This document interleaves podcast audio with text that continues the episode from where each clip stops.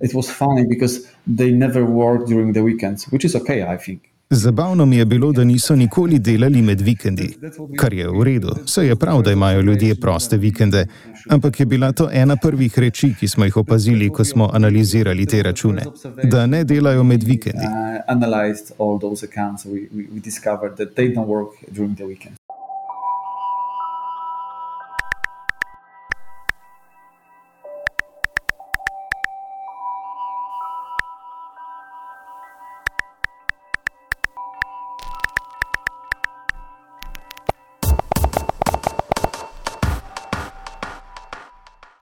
Pozdravljeni v tretjem delu naše serije podkastov o lažnih realnostih. Z vami sva Taja Topolovec in Lenard Kučič.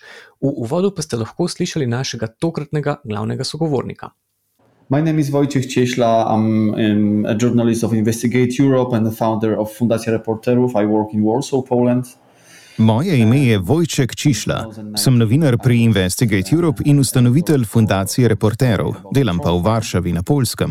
Leta 2019 sem bil urednik zgodbe o farmi trolov, pravzaprav sem tudi koordiniral delo pri tem projektu. Um,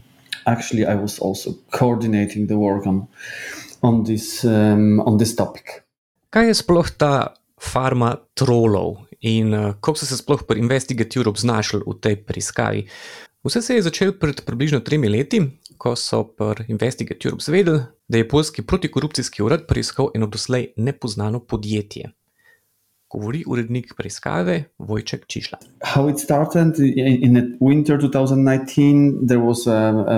Začelo se je takole.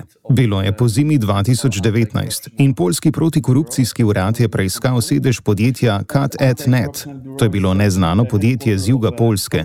Za nas je bila zanimiva informacija, da je urad preiskal CutEdNet, ker je bilo to povezano z aretacijo zelo zanimive osebe, Bartlomija Miševiča.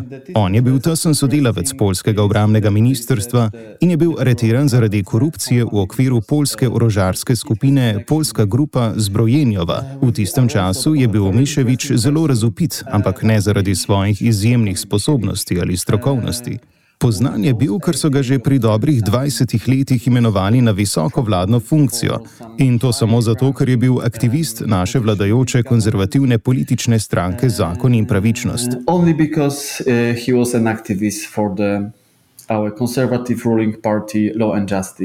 Poljska grupa Zbrojenova je eno izmed največjih evropskih orožarskih podjetij, ki zaposluje več kot 18 tisoč ljudi. So it was interesting, but not explosive. To je bilo za nas zanimivo, ni bilo pa udarno. Ampak kmalo zatem, ko je ta informacija postala javna, ko so jo objavile tiskovne agencije in nekateri časopisi, smo dobili namik, da je to podjetje CutEdNet, ki je bilo povezano z Miševičem, tudi čisto prava farma trolov in da upravlja stotinami lažnih profilov na Facebooku in Twitterju. Trda dela za polsko javno televizijo in za nekatere politike. In da, kar je bilo zelo zanimivo, dela tudi za nekatera podjetja v vojaški industriji. What was very interesting, they also work for some um, military um, companies. Farmatrolo je torej organizacija, ki se ukvarja, ali pa lahko rečemo, poklicno ukvarja z astroturfingom. V njej so zaposleni posamezniki, ki za določenega naročnika upravljajo s temi lažnimi profili na internetu in na družabnih omrežjih. Ko smo povezali vse skupaj, Miševiča, CatEdNet in ta namig, da upravljajo farmo trolov, ki smo ga dobili od našega vira v Varšavi, smo začeli kopati. In bilo je kar težko, ker je bilo o tem podjetju zelo malo informacij. Izvedeli smo samo, da imajo sedež v Vroclavu na jugu Polske in manjšo pisarno v glavnem mestu Varšava. In po naključju smo med iskanjem informacij našli staro glas za delo nekje iz leta 2017, ko so pri CatEdNetu iskali sodelavce, najverjetneje za farmo trolov. V oglasu so iskali nekoga, ki bi delal od doma, najraje študenta ali nekoga, ki je pravkar diplomiral in ki ima nekaj novinarskih izkušenj. Delo so opisali kot izgradnjo pozitivne javne podobe za naše stranke na družbenih omrežjih in na internetu. Te stranke pa so velika in mala podjetja, pa tudi druge organizacije in entitete, vključno z ustanovami v javni upravi in zasebniki. The customers uh, were large and small companies, as well as other entities, including public administration institutions and private individuals. To vrstne farme trolov se pogosto predstavljajo kot marketinške agencije, ki svojim strankam ponujajo različne digitalne storitve. Zato iščejo kadre, ki imajo izkušnje pri delu z družabnimi omrežji, odnosi z javnostmi, pa tudi s pripravljanjem različnih vsebin. In to je bil Kataržinin primer. Bila je popolna kandidatka za to delovno mesto. Novinarka Katažina Pruskjevič je bila takrat njegova sodelavka, ki je preiskovala farmo trolov. Katažina lahko vstopi v to farmo, ker je imela clean. Kataržina se je lahko zaposlila v farmi trolov, ker je imela čisto profesionalno kartoteko. Šele dobro je začela delati kot novinarka in je bila dovolj pogumna za tako nalogo. Res cenim ta njen pogum, da se je bila pripravljena prijaviti in delati za to firmo. Mislim, da je delo pod krinko zelo stresno in negotovo in ja, precej je zahtevno. Računali smo, da zagotovo iščejo prav tako osebo. In Kataržina je bila naša kolegica iz fundacije reporterov, bila je prosta in se je lahko prijavila in se na koncu pridružila tej firmi.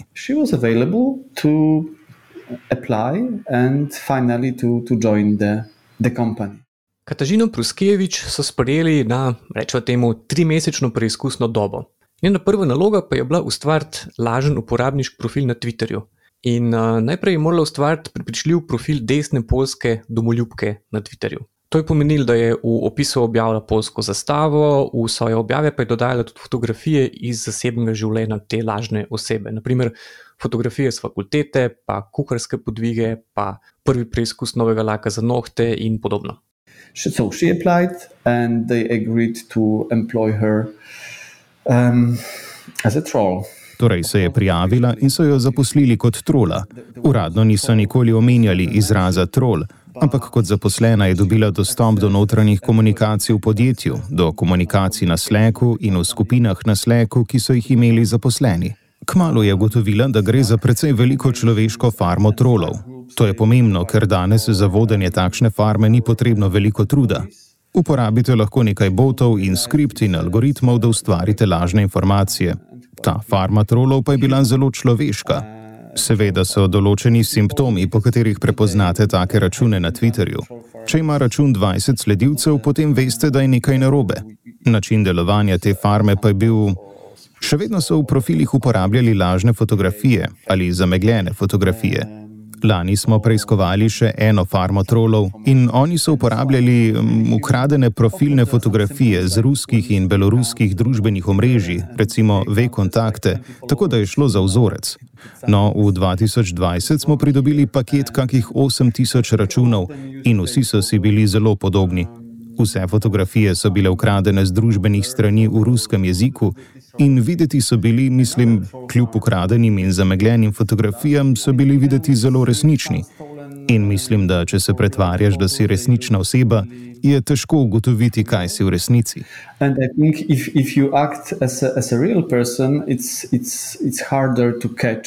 Kataržina Pruskijevič je postala, če lahko tako rečemo, uspešen trol. Po treh mesecih je napredovala in dobila dostop do zasebnega kanala na Slacku. Tam je lahko spremljala zasebno komunikacijo med drugimi troli in njihovimi nadrejenimi. Day, uh, trolls, uh, the, the, uh... Vsi troli so prejemali navodila od, um, lahko rečemo, glavnega urednika ali glavne osebe, ki je bila na določen dan pristojna za vodenje farme.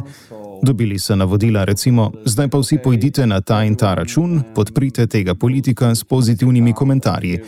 Ali da je treba poročati o neki italijanski firmi v vojaški industriji, ki poskuša pridobiti javno naročilo od polske vlade, da so ti fanti v redu. Kataržina je tudi počela vse to in je povedala, da so poskušali pritegniti različne vplivneže in sicer največkrat politike, odločevalce, predstavnike oblasti in jih bombardirali z informacijami. To se je dogajalo tudi z drugo farmo trolov. Teme, ki so jih pokrivali, so bile zelo široke. In več mesecev smo pridobivali notranje informacije o farmi, kaj se dogaja, kakšna so navodila za napade. Pri CatEtnetu so pripravljali poročila za stranke, v katerih so prikazali, kako so uspešni na Twitterju in Facebooku in kako lahko pripravijo napade na različne ljudi ali na določene teme, in da so lahko Pravzaprav je bila ta farma trolov klasična mašina za dezinformacije. Actually, the, the, this troll farm was, was a classical disinformation um, machine. To njihovo delovno okolje je bilo večinoma prijetno, je ugotovila Katažina Pruskijevič.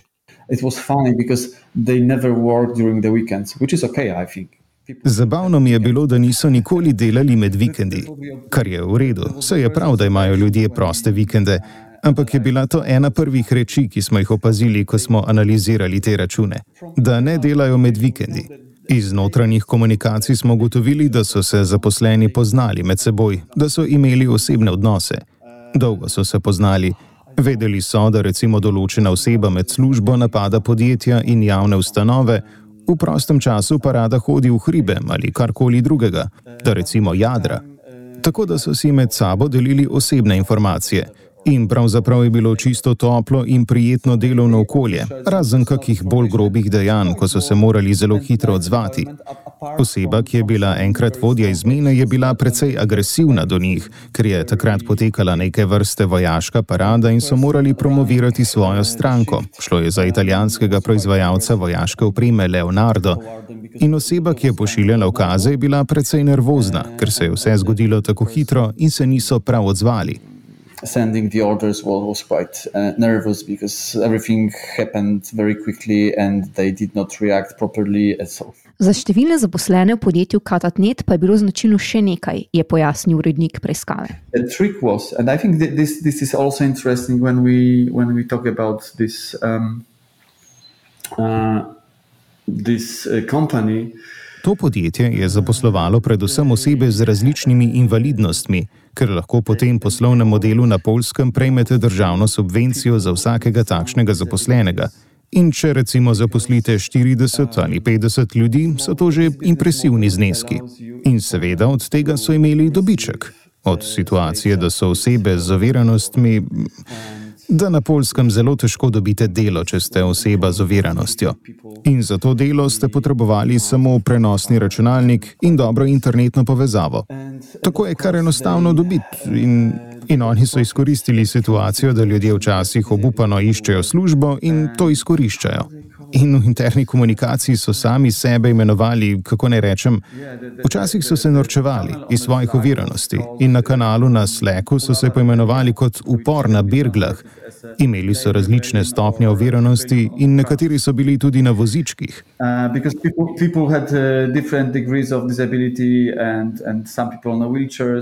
Ustanovitelji Katatnet so torej imeli, rečemo temu, dvojni poslovni model.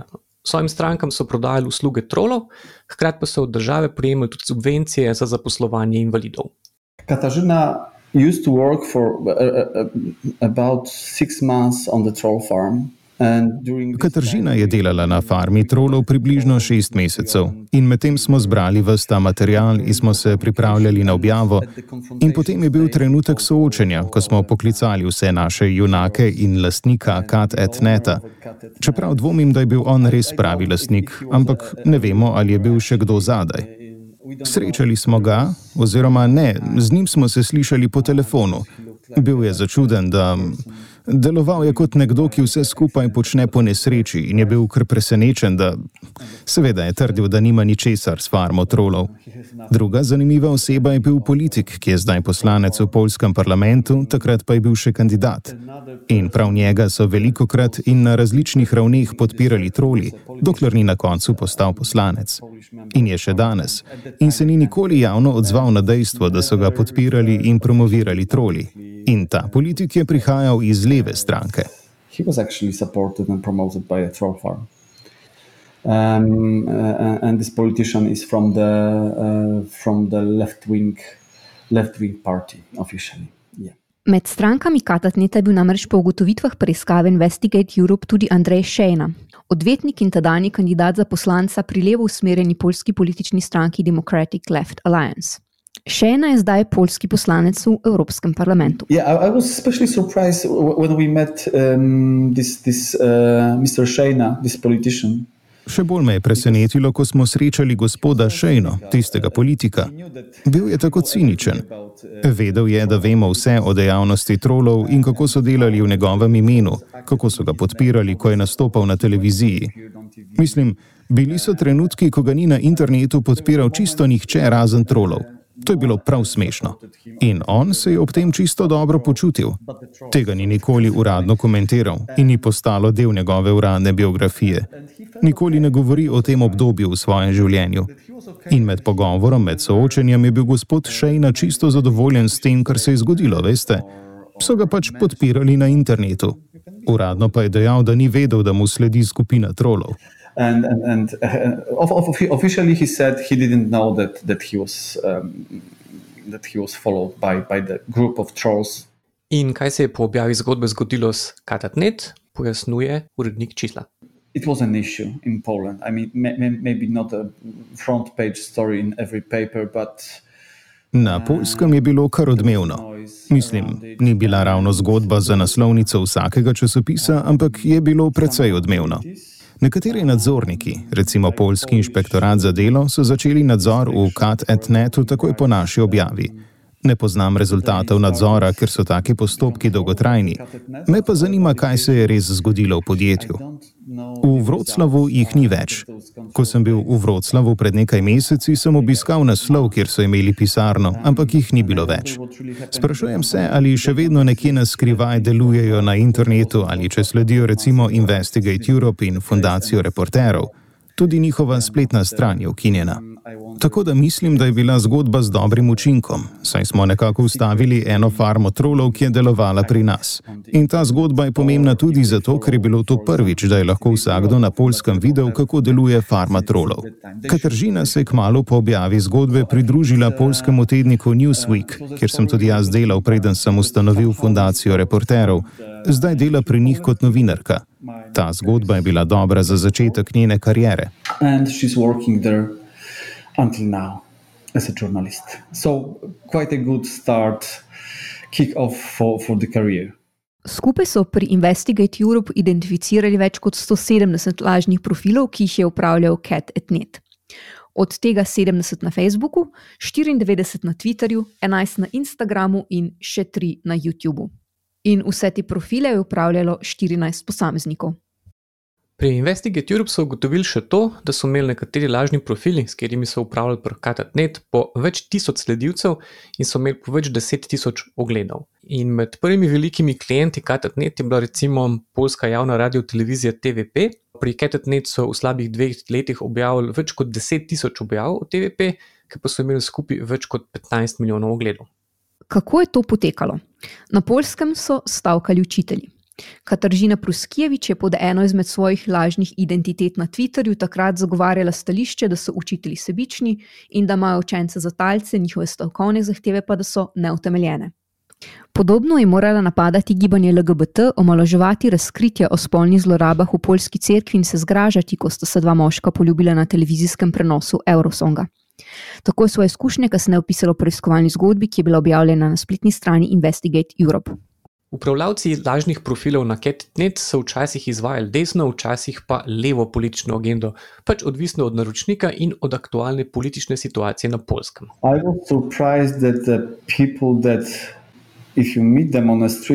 Presenetilo me je, da so bili to ljudje, če bi jih recimo srečal na ulici, da so videti čisto običajno, kot čisto običajni posamezniki ali recimo običajni poslanci pač urejeni ljudje v poslovnih oblekah, ki za mizo znajo uporabljati jedilni pribor in podobno, in ki verjetno obiskujejo enake knjigarne kot mi, a so se pač odločili, da bodo vodili takšen posel, ki je popolnoma nefer. Mislim, res totalno nefer. Mislim, da si kot bravci ali kot medijski potrošniki, kot novinarji ali samo kot državljani zaslužimo resnico. Da zaslužimo dobro preverjene informacije in ne dezinformacije, kot v tem primeru.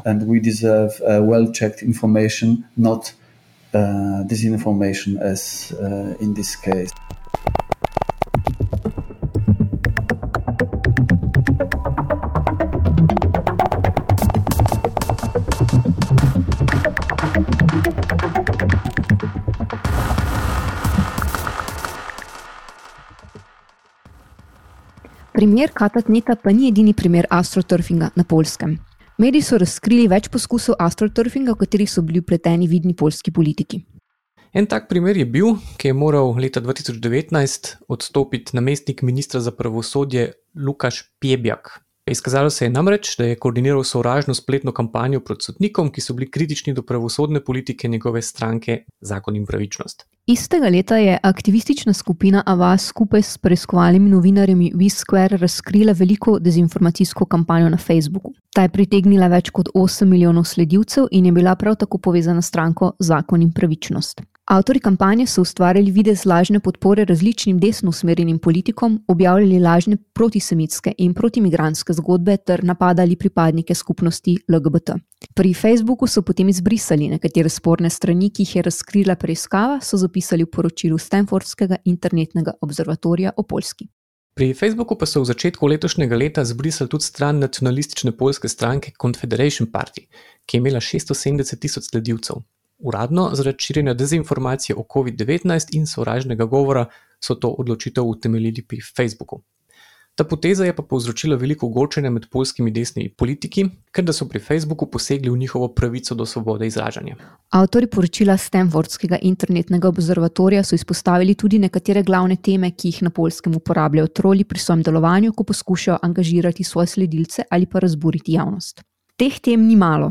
Med njimi so pravice LGBTQI, feminizem in pravice žensk, splav, migracije, odnos do druge svetovne vojne in vloge Poljske pri holokaustu, korupcija, energetska in zunanja politika, zlasti odnos do Rusije, Ukrajine in ZDA, pa tudi okoljske spremembe in nacionalizem.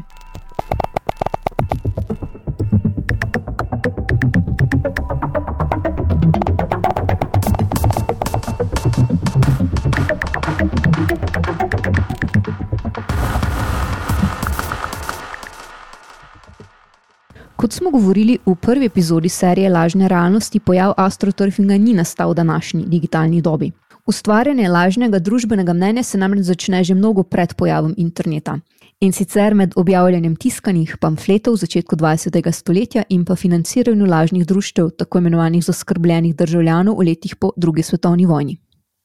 In ne glede na medij sporočanja, imajo te dejavnosti eno skupno točko in sicer skupna točka teh različnih načinov astrotrofika je prikrivanje izvora neke kritike, reklame ali pa mnenja.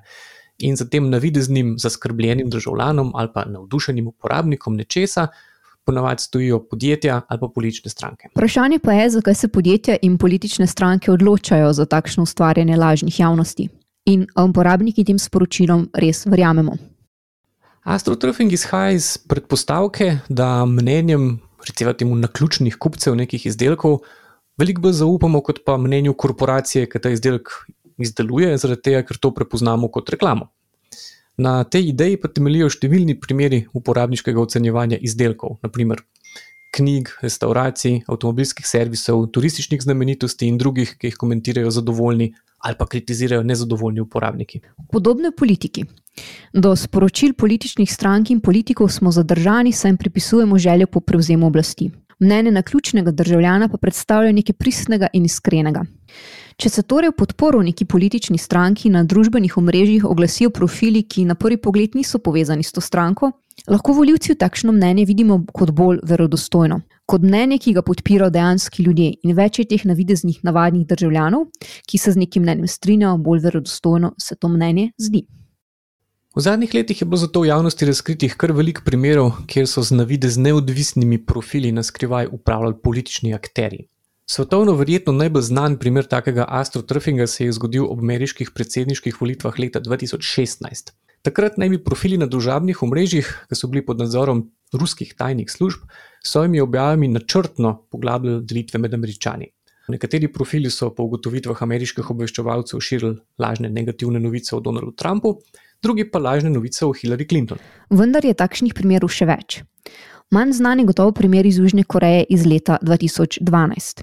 Korejska tajna služba je v predsedniških volitvah tistega leta nadzorovala več kot tisoč lažnih profilov na Twitterju. Med njimi je bilo 120 lažnih profilov, ki so objavljali vsebine v podporo predsedniški kandidatki Pak Gene.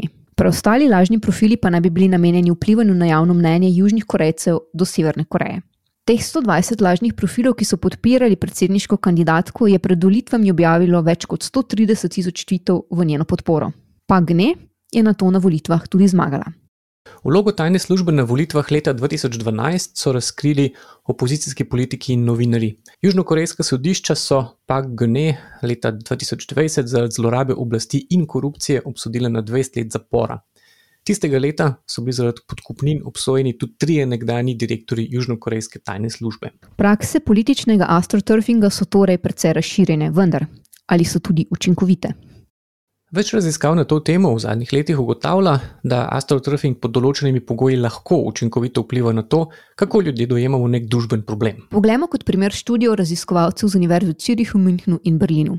Preizkus vplivu astroturfinga so naredili na več kot 2000 udeležencih raziskave. Kako je ta potekala? Udeležencem so pokazali naslove treh različnih novic. Del udeležencev je prebral samo naslov posamične novice.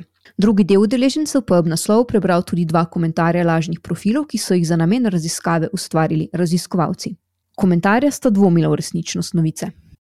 Ugotovili so, da ta dva komentarja lažnih profilov nista enako vplivala na percepcijo vseh teh treh novic. Kaj bi bil lahko vzrok za to? Na percepcijo bi lahko vplivala konkretnost novice. Bolj je bil dogodek konkreten in razumljiv, bolj sta komentarja povečala dvom. In obratno, v primeru kompleksnih in abstraktnih novic, komentarja nista imela učinka in nista vzbudila dvoma v novico. Do podobnih zaključkov kot nemška študija je prišla tudi študija dveh raziskovalcev iz ameriških univerz leta 2019. Ugotovila je, da so astroturfing sporočila vplivala na percepcijo udeležencev raziskave do kurjenja premoga za proizvodnjo električne energije. Niso pa vplivala na njihova stališča do ideologije nacionalizma. Astroturfing je torej pod določenimi pogoji lahko učinkovito orodje za manipulacijo s percepcijo voljivcev. Te dezinformacije in propaganda, ki jo širijo troli, pa bi lahko imeli še en pomemben učinek, je v podkastu Doomsday Watch o vojni za resnico opozoril Peter Pomarencev, britanski novinar, ki je bil rojen v tedajni Sovjetski zvezi. Pod vsemi dezinformacijami, ki se nahajajo na površini propagandnih dejavnosti, se skriva globlji mit, da je vse pokvarjeno, da je vse negotovo in v nekem gibanju, da nič ni tako, kot se zdi. Pomerancev je avtor več knjig in člankov o ruski propagandi, naprimer Nothing is true and everything is possible in pa This is not propaganda. But the underlying myth To je tisti temeljni mit, na katerega pristajajo vsi Rusi. Če nič od tega, kar vidimo, ni resnično, to potem pripelje do zarotniškega pogleda na svet. Potem pridemo do točke, ko dejansko začnemo verjeti v neko nevidno roko, ki z vsem upravlja. Zato je zanimivo, ko analiziramo učinke ruske propagande, ljudje ne preslepijo zavajanja, saj niso neumni. Zelo dobro se zavedajo korupcije, zelo dobro vedo, da so v Ukrajini ruski vojaki. Saj niso neumni. V resnici so veliko manj dojemljivi do takšnega zavajanja kot zahodna javnost. Ampak kljub temu verjamajo v temeljni mit in to je moč propagande. Uh,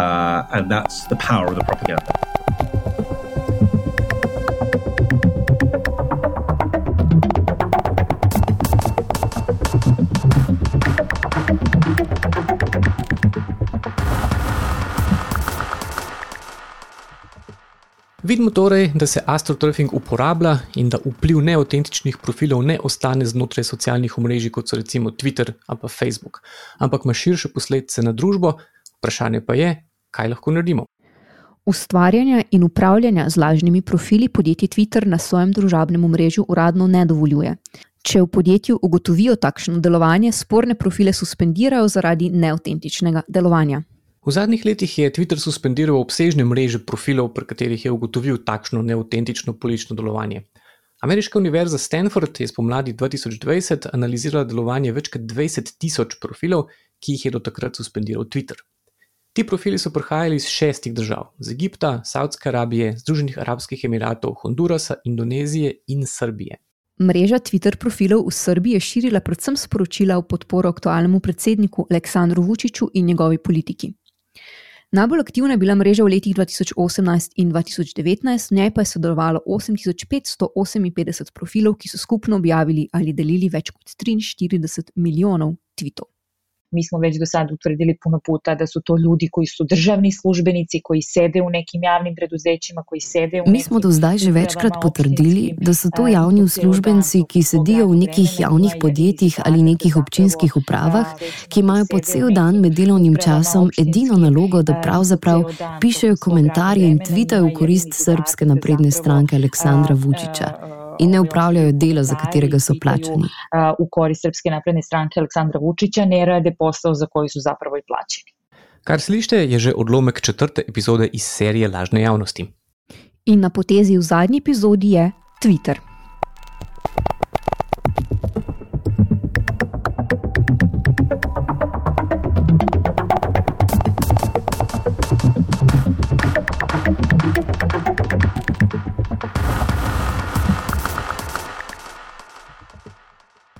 V tretji epizodi serije Lažne realnosti so bile z vami Tato Polovec in Lenard Kučič.